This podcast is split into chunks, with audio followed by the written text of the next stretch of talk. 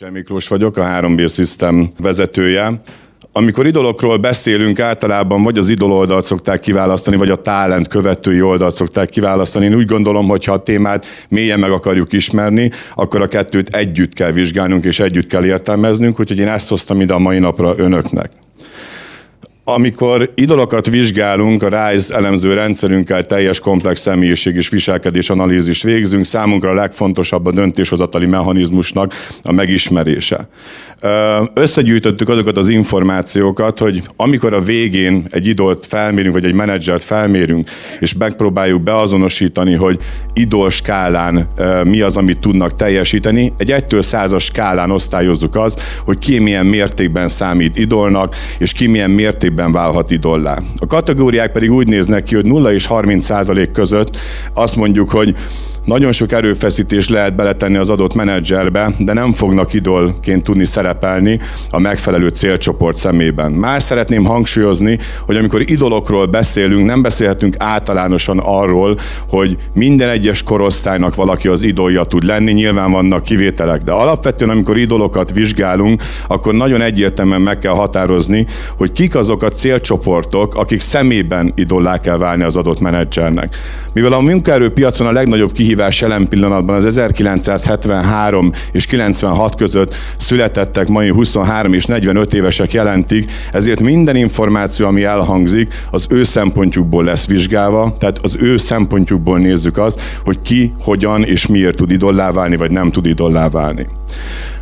A szervezet fejlesztésnek és menedzsment képzésnek ez egy nagyon kritikus pontja egyébként. Van, aki nagyon szereti, van, aki nagyon imádja, van, aki meg rettek tőle, amikor ideérünk, hiszen nem jó olyan információkat közölni, hogy például a magyarországi menedzserek, akiket eddig felmértünk, 1782 főről beszélünk, 28%-a nem válhat idollá e két célcsoport szempontjából. Ezek kemény kijelentések egyébként természetesen, de mivel személyiség és generációs alapon egyértelműen meghatározható az irány, hogy ki tud idol lenni, és ki, ki, nem tud idol lenni, ezért ezek eléggé fekete-fehér visszajelzések. 68%-a a menedzsereknek, akik ezen az idol indexen 31 és 70% közötti értéket kapnak, azok tulajdonképpen idollá tudnak válni. Sajnos Magyarországon nem tanítják meg őket valóban idolként viselkedni, tehát van 68% potenciális uh, idol egyébként a magyar menedzsment társadalomban, akik nem biztos, hogy idolként tudnak viselkedni. És van 4 egyébként Magyarországon a menedzserek ebből a szempontból Magyarországon igen-igen jók, hozzáteszem, és igen-igen magas színvonalon vannak. 4 uk nem, nem kell tanulni, nem kell képezni őket, alapvetően belső energiából és tulajdonságbaiból fakadóan idolként tudnak szerepelni. Mik azok a befolyásoló tényezők, amik hatnak arra, hogy valaki idol tud lenni, vagy nem tud idol lenni? A legfontosabb ebből a szempontból az eredeti személyiség. Mi három személyiség állapotot vizsgálunk egyébként, a viselkedésen túlmenően. Az eredeti személyiség, a jelen személyiség és az idolikus személyiség. Ha nagyon röviden össze akarnám foglalni, az eredeti személyiség az, akik valójában vagyunk, és minden egyes fontos döntésünket ezzel a személyiséggel fogjuk meghozni. A jelen személyiség az, amit mutatunk magunkból a bemérés elismerés pillanatában. Az idolikus személyiség pedig az a személyiség, ami egy belső hajtóerő, és olyanná szeretnénk válni. Erről majd későbbiekben szót fogok ejteni, hogy hogyan is alakul ez a történet ki. Ha megnézzük, hogy mik azok, amik hatnak az idol kép kialakulására, a legfontosabbnak mindenféleképpen a követők célcsoportját kell kiemelni, meg kell határoznunk, hogy milyen generációból valók az adott idolok, az adott követők. Az idol személyiség típusa a következő, és itt sorrendben raktam azt, hogy tulajdonképpen mik azok a személyiség faktorok, amik a legfontosabbak a mai követők szempontjából. Láthatjuk azt, hogy rövid távon az önmegvalósítók tudnak könnyen idollá válni, második helyen az uralkodók vannak, harmadik helyen a professzionalisták.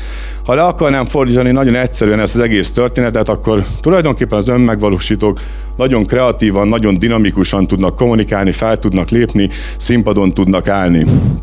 Az uralkodó típus nagyon határozottan, dominánsan fel tud lépni, követői beállnak mögé, nem igazán kell nagyon semmit tenni ennek érdekében. A professzionalistának nehéz idollá válni, de amikor felfedezik azt, hogy milyen tudással és szakmaisággal rendelkezik, akkor tulajdonképpen egyre kedveltebbé válik a követők szempontjából. Hosszú távon fordul a kocka, tulajdonképpen az uralkodók megmaradnak a második helyen, és helyet cserél egymással az önmegvalósító és professzionalista típus, hiszen az a professzionalista típus, aki nem sokat kommunikál, viszont szakmailag nagyon erős, egy idő után, ahogy megyünk előre az időben, egyre inkább idollá tud válni. Az önmegvalósítónál pedig egyre inkább kiderül az, hogy a szakmai háttér hiánya nagy problémát okoz. Sokkal jobban kommunikál, mint amilyen tudással rendelkezik, és ez az emberek számára látványossá válik. A negyedik személyiség típust én nem tettem ide fel a, a képre egyébként, az emberközpontú személyiség típus, ami egyébként a magyar átlag lakosság 69%-át jelenti. A legnagyobb probléma ma a mai üzleti életben, hogy az emberközpontú faktorral rettenetesen nehéz idollá válni, főként idolként megmaradni.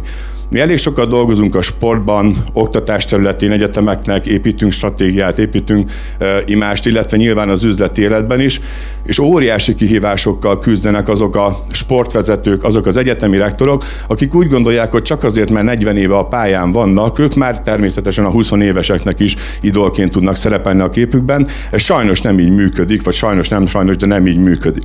Úgyhogy az ember központú faktornak, faktorra rendelkező, elsőleges személyisége rendelkező embereknek nagyon nagy kihívásuk van az üzleti életben az elkövetkezendő 7-8 évben is ezen a területen.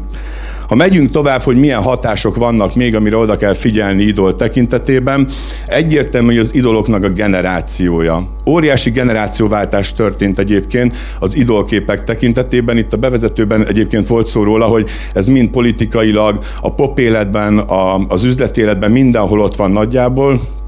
Az 1973-84 között született generáció jelentős mértékben előre tudott nyomulni, jelentősebb mértékben, mint egyébként korából fakadóan azt igényelni az üzleti élet. Ez annak köszönhető, hogy két nem annyira aktív generáció után ők voltak az első igazán proaktív generáció, illetve az őket követő ambiciózusok. Nálunk egy 12 éven működő generációs kutatóbázis van egyébként, társadalmi és szociológiai meghatározó eseményeket rendezünk táblába, visszamenőleg, történelmileg, és megnézzük azt, hogy mik azok a nagy események, amik hatnak az adott generációra, azok az események, amik majd a döntéshozatali mechanizmusukban felnőttként egyébként megjelennek. Én fel is tettem ide egy generációs kiragadást ebből az egészből. Látni lehet, hogy ott a diplomata generáció követi az ambiciózus generáció, és őket fogja követni a social generáció. Ha valakit idollá tudunk tenni a diplomata generációk tekintetében, akkor nagyon egyszerűen fogják őt követni az ambiciózusok, a social, a social médiában felnőtt social generáció pedig egyértelműen követi őt. Tehát egy mai 34-45 év közötti menedzser, ha megtanul idolként viselkedni, akkor hosszú távra biztosíthatja a karrierjét és sikerét is egyébként. Nagyon fontos az idol szempontjából, hogy karakteresnek kell lennie. Látjuk itt a példában, hogy egy 1-től 10-es skálán jelöljük egyébként minden egyes személyiségfaktornak a meglétét az adott személyiségben. Egy 8-as személyiségfaktor, amivel rendelkezik az adott startup tulajdonos, egy nagyon sikeres startupnak a tulajdonosa, egyébként az ő ábráját tettük föl nyilván név nélkül, nagyon könnyű idollá válnia, hiszen a követők meg tudnak fogni olyan tulajdonságokat, amiket tudnak szeretni és tudnak követni. A karakter gyenge embereknek nehéz ebből a szempontból uh, idollá válni. A következő, amire felhívnám a figyelmet, ezt nyilván nem mondok vele újat, a hitelesség nagyon fontos az idolok szempontjából. Tehát, hogyha megnézzük a hitelesség mérését, mi ezt a személyiség módosulással és annak mértékével tudjuk kifejezni, az eredeti személyiség és a jelen személyiség közötti különbséget vizsgáljuk, ami azt mutatja meg, hogy mennyire fék az adott ember, mennyire mutat mást kifelé ahhoz képest, amilyen ő ön valójában. A fiatalok, a követők erre nagyon érzékenyek egyébként, nem szeretik a felvett tulajdon tulajdonságokat. Pszichológusokkal másfél-két évvel ezelőtt még nagyon sokat vitatkoztunk, hogy ugye egy menedzsereknek az a feladata, hogy a menedzsernek az a feladata, hogy beépítsen plusz tulajdonságot az életébe és egyebek. Sajnos ez a mai 20 éves generációknál, akik a fékségben nőttek egyébként föl, Instagram, social media és egyéb tekintetében, ők ezek nagyon gyorsan, ezen nagyon gyorsan átlátnak. Mi arra tanítjuk mindig a menedzsereket, hogy ismerd meg magad, tudd, hogy milyen tulajdonságokkal rendelkezel, és azokkal a tulajdonságokkal próbáljál érvényesülni, ne akar megjátszani magad. Megfigyelhető az, hogy azok a menedzsereink, akik idolként tudnak jelen lenni és idolként megmaradtak, 25%-os személyiségmódosulás alatti mértékkel rendelkeztek. A magyar menedzsereknek az 1782 főnek az átlagos módosulás mértéke 48% volt egyébként. És a negyedik az pedig nyilván az eredmény, csak az eredmény is rettenetesen szubjektív. Én nekem volt szerencsém, meg hát nyilván szerencsém is, meg, meg, meg, meg szép volt, meg jó volt, de voltak árnyoldala is a dolognak. Elég régóta dolgozunk a sportban, egyébként külföldön és Magyarországon is, és válogatottak mellett ott voltam szövetségi kapitányoknak, szövetségi elnököknek vagyok és voltam is a mentora, és nagyon nehéz volt nézni, amikor egy 20 éves csapathoz oda tettek egy jól kipróbált, már 40 éve bizonyított 58-62 éves edzőt, és egyszerűen protestáltak ellene nekik azok az eredmények, amiket ő elért, BL-t nyert, világválogatottat vezetett, és egyebek ez a mai 18-22 éves embereknek nem egy érték, hiszen a mai modern technikákat nem tudta úgy alkalmazni, és sajnos akármilyen nagy emberről volt szó, elszállt a válogatott a, a kritikus pillanatokban.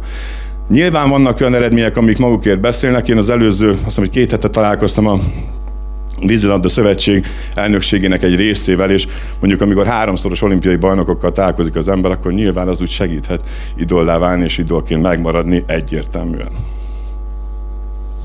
Na és hát az az az ábra, amitől hát vagy nagyon örülnek a, a partnereink, vagy nagyon izgatottan várják, aztán annyira nem örülnek a végén, ugyanis a két Business Idol Index elég jól megmutatja azt, hogy milyen lehetőségei vannak az adott menedzsernek az üzleti életben. Miért fontos idolnak lenni?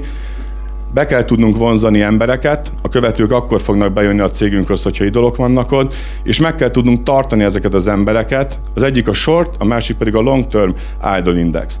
Ennek a vezetőnek 40%-os képessége van arra, hogy be tudja vonzani az embereket, idol tudjon lenni első pillanatra és rövid távon de 10%-os lehetősége van arra, hogy idolként meg tudjon maradni. Persze ilyenkor nem azt mondjuk a startup tulajdonosnak, hogy akkor csuk be hat hónap után az üzletet, mert tulajdonképpen a legjobb embereid nem fognak idolként tekinteni rád, hanem gyorsan lépjél majd hátra, és hozzá be egy olyan menedzsert, aki viszont nem tudna idollá válni első körben, de idolként meg fog tudni maradni, és ő irányítsa a céget nap mint nap, ő legyen ott, te meg menjél be, és jelenjél meg rövid időre, motiváld őket, de nagyon gyorsan hagyd el a telepet. Miért van az, hogy idolnak kellene, és hogyan tudunk idollá válni? A magyarországi menedzsereknek ez még mindig furcsa, sztorit kell építeni magunkról. Sztori nélkül nem tudnak megfogni bennünket a követők, nem tudnak mit követni. A sztorihoz kell, hogy ki vagyok, honnan jöttem, mi a rendszerem, milyen unique expertise van, ez minden egyes fejlesztésünknek az első workshopjának a téma, mert már ma nem azt várják el a fiatalok, hogy Magyarországon valami extrát nyújtson az ember, nem, világviszonylatban, globálisan valami olyan tudással rendelkezzen, valami olyan specialitása legyen már a nevének is egyébként, a szakma nevének is, hogy az vonzza a tekinteteket. Nekem is, amikor annak idején a csapat egyébként elkezdte építeni a mondjuk úgy idő a képemet, hogy a business mentor pozíció nem létezett ilyen szempontból, és mindenki rákérdezett, hogy de mit jelent, hogy lehet, lehetett róla beszélni. Ez egy sztori volt, amit el kellett mondani, és egyébként a követőknek nagyon fontos. A kommunikált külsőségek, hát ebben megint le vagyunk maradva nagyon a nyugati üzleti életben, főleg az USA-ból nagyon sokat hozunk recepteket egyébként, Mit veszünk föl? Igenis elvárják a fiatalok, hogy brandy klócokat hordjanak a menedzserek, olyan dolgokat, órák legyenek rajtuk, amiket ő nem tud megfinanszírozni. Vagy ha meg tud finanszírozni papa segítségével, nem ő tudja megvenni. És nagyon fontos ez egyébként, hogy hiteles legyen a hangulata az idolnak. Nagyon nagy tévedés az, amikor azt mondjuk, hogy hát csak mosolyogva menjünk be. Az idolnak embernek kell lenni, az idolnak vannak rossz napjai és jó napjai, és ezzel tisztában kell lenni. És hát a kommunikáció, a saját kommunikációm, a személyiségemhez illő kommunikációm. Én ezt is raktam fel egyébként, hogy az én személyiségem, az a professzionális személyiség, ez egy nyers, őszinte kommunikáció, sallangmentes kommunikáció, illik nem, fél, nem feltétlenül kedves és aranyos bizonyos szituációkban, de nem is azért fizetnek egyébként a partnerek ilyen szempontból, hogy azok legyünk, és nyilván fekete-fehér jelleggel ö, ö, mondjuk meg a tényeket, hogy a változás be tudjon indulni. És hát tulajdonképpen van egy olyan megjegyzés, amit mindenféleképpen bele akartam tenni, bár jó megfoghatatlan, ez az international feeling, ami a követők számára rendkívül fontos. És az international feeling azt jelenti, hogy globálisan, nemzetközileg ö, látásmóddal kell rendelkezni a menedzsernek. Nem fordulhat az elő, hogy a, a követő többet utazik és több helyet látott a világban, mint az idol egyébként ilyen szempontból. Ezt el szoktam mondani a partnereimnek, hogy hát hogyha szeretné jó céget építeni, akkor tessék elkezdeni utazni, mert az Airbnb-s generáció, amikor azt mondja, hogy Európa 17 országában voltam ott, és már Dél-Amerika négy helyén jártam, és amit meg azt mondod, hogy én már egyszer elmentem Szlovákiába, az nem annyira jó történet, és hát sokáig meg nem tudod kikerülni a témát, hogy mégis hova mész nyaralni, és hova nem mész nyaralni. Megnéztük az idol oldalt, jöjjön a követői oldal. Mi az, ami a követők szempontjából vizsgálandó? Hát egyrészt tudni kell az, hogy amíg az idoloknál az eredeti személyiségre kell helyezni a hangsúlyt, a követőknél nálunk az idolikus személyiség az, ami érdekes, hiszen az idolikus személyisége fogja vezérelni azt, hogy kit követ. Mi az az idolkép, amit egész életében követni fog. Ez 8-14 éves kor között alakul ki. Egyébként mi sportban, edukációban és üzleti életben a menedzserek gyerekeiről van szó egyébként, sőt most már gyerekotthonokat is el fogunk kezdeni mérni, 10 éves kortól vannak tesztjeink, és nagyon jól lehet látni azt, hogy 8-14 éves kor között kialakul a megfelelő idolkép. Sorrendbe tettük azt az eddig itt közel 6000 elemzésünk, gyerekelemzésünk alapján, hogy mik azok a faktorok, amik az elemzett személyek elmondása szerint, elemzett személyek itt gyerekekről van egyébként szó, az ő elmondásuk szerint a legnagyobb hatással volt arra, hogy milyen idolképet alakítanak ki. Első helyen egyébként a szülők vannak, meg tök meglepő módon. Második helyen viszont az idősebb fiú testvér szerepelt, nagyon sokszor tanár és az edző. Viszont az idolkép kialakulása épülhet elfogadásra, de ugyanúgy tagadásra is. Tehát, hogyha én nagyon nem ismerek el egy tanárt, ha én nagyon nem szeretem az edzőmet, akkor minden olyan tulajdonság, amivel ő rendelkezik, el fogom utasítani, és az ellenkezőjét fogom idolképként felépíteni saját magamnak. Ez az idolkép 15-23 éves korban egyébként változhat. Nagyon sokan beugranak ebbe a csapdába, amikor a gyerekeket 18-19 évesen akarják megvizsgálni, felmérni ebből a szempontból, hiszen ilyenkor elkezdik a celebeket, az érsportolókat és egyebeket követni, mert fenszik akarnak lenni. Sőt, az új generációnál már a szuperhősök, talent show bajnokok ugyanúgy ott vannak, hiszen valamilyen szempontból idolként jelentkeznek, de ez, amikor elkezdik a munkát, egyébként visszatér a 8-14 éves korban betapadt idolképhez. Onnantól kezdve már csak egy nagyon erős, szoros kapcsolat, egy nagyon erős idollal tudja megváltoztatni, ez vagy partner, vagy pedig egy olyan főnök egyébként, akivel napi kapcsolatban van az ember. Az idolikus személyiség és az eredeti személyiség vizsgálata kritikus abból a szempontból, hogyha hosszú távra szeretnénk gyermekkel vagy munkavállalóval tervezni. Hiszen nekünk azt kell megnézni, hogy ez a belső csendes hajtóerő, ez milyen irányba fogja hajtani az adott követőt. Az eredeti személyiségtől való távolságot meg kell vizsgálni, hiszen ebben az esetben meg tudjuk mondani, hogy kiegyensúlyozott munkavállalónk, vagy kiegyensúlyozott élsportolónk lesz -e. Most olimpikonokat mérünk fel egyébként, akik Tokióban részt fognak venni, magyar és külföldi ö, ö, szituációról is beszélek, és nagyon jól lehet nézni azt, hogy bizonyos stresszfaktorok megjelennek akkor, amikor az idolképi és az eredeti személyisége teljesen távol van egymástól. Egy folyamatos stresszben van, a kiélezett szituációkban nem tudja a legjobbját hozni az adott sportoló. Ezen lehet segíteni egyébként nyilván, csak hozzá kell nyúlni a témához. Minél nagyobb a távolság, annál nagyobb stressz alakulhat ki egyébként, és az üzleti életben 80% fölötti idol indexel rendelkező emberek tudnak ez erre igazából hatással lenni. És amikor szervezetet építünk, és egy menedzserhez, egy adott vezetőhöz keresünk munkavállalókat, a profiljának a meghatározásánál ott van minden esetben, hogy mennyire egyezik az idolnak az eredeti személyisége, és a behozandó embernek az idolikus személyisége.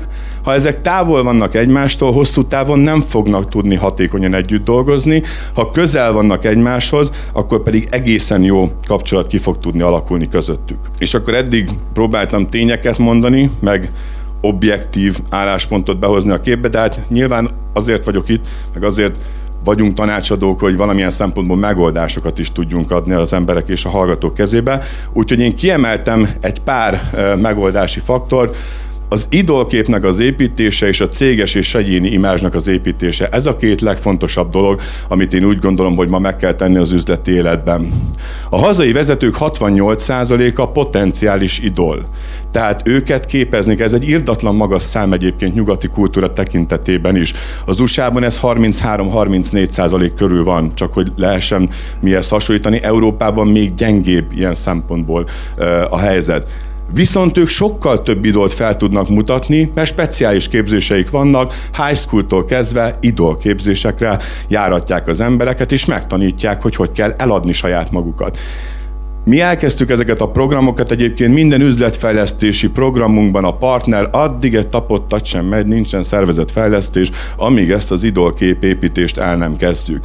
Hiszen Egyébként nincsenek ilyen programok, mert nagyon babrás program. Tehát itt 14-15 elemző tanácsadó emberem dolgozik nekem is egy adott cégnek az idolképzési programján, hiszen social media ismeretet, PR ismeretet kell adni, diplomácia ismeretét és a hagyományos management skilleket oda kell adni. Ezek 6-12 hónapos programok, nem igazán kifizetődő egyébként a történet, hozzáteszem, tehát nyilván beletesszük az energiát, mert utána saját magunknak okozunk egy pozitív szituációt, hogy a szervezetfejlesztésbe például pillanatok alatt tudunk embert hozni, nincs olyan pozíció egyetlen egy cégünknél se, ahol, amit ne töltöttünk volna be, akár két-három hónap alatt még csúcsvezetők is, ha beszélek.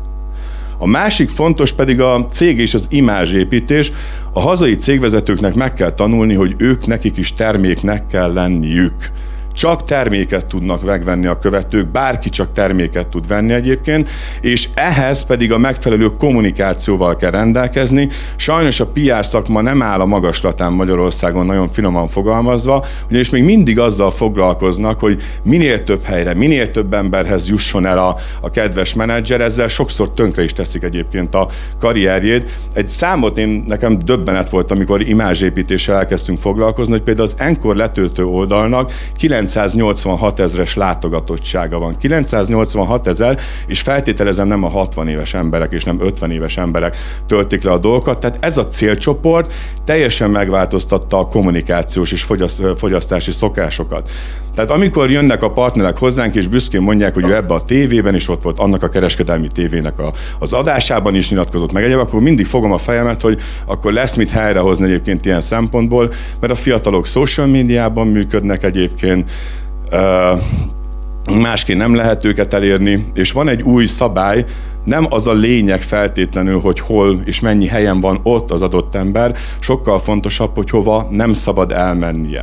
Mi az a konferencia például, ahova nem szabad elmennie egy idolnak, mert nem jó hatással van rá. A követők nem, nem sokra tartják azt az ívüntöt, és ebből negatív következtetéseket tudnak levonni. Tehát egy ma már egy kommunikációs szakembernek nagyon-nagyon résen kell lenni, hogy a piacon hova küldi az emberét egyébként. És hát tulajdonképpen még egy pár tanul tanulságot a végére feltettem, aztán elköszönünk egyelőre, és majd ugyanezt megpróbáljuk egy műhely munka keretében is folytatni egyébként, hogy a gyakorlatban hogy néz ki ez a történet. Idollá válni vezetőként én úgy gondolom, hogy kötelességünk, ezzel az idol pozícióval élni pedig felelősségünk, hiszen a követőkre hatással vagyunk. Idolként élni kiváltságos és nagyon jó dolog. Ez bemenni úgy a munkahelyre, hogy örömmel dolgoznak ott, nem kell motivációs rendszereket építgetni hetente, hanem egyszerűen jó érzésben, ez egy nagyon fantasztikus dolog. Csak arra figyeljünk oda egyébként, hogy a minyonok, azok behunyt szemmel tudnak követni bennünket, de nagyon sok esetben oda tudják adni a létcsapot a medve legyőzéséhez. Köszönöm szépen mindenkinek a figyelmet.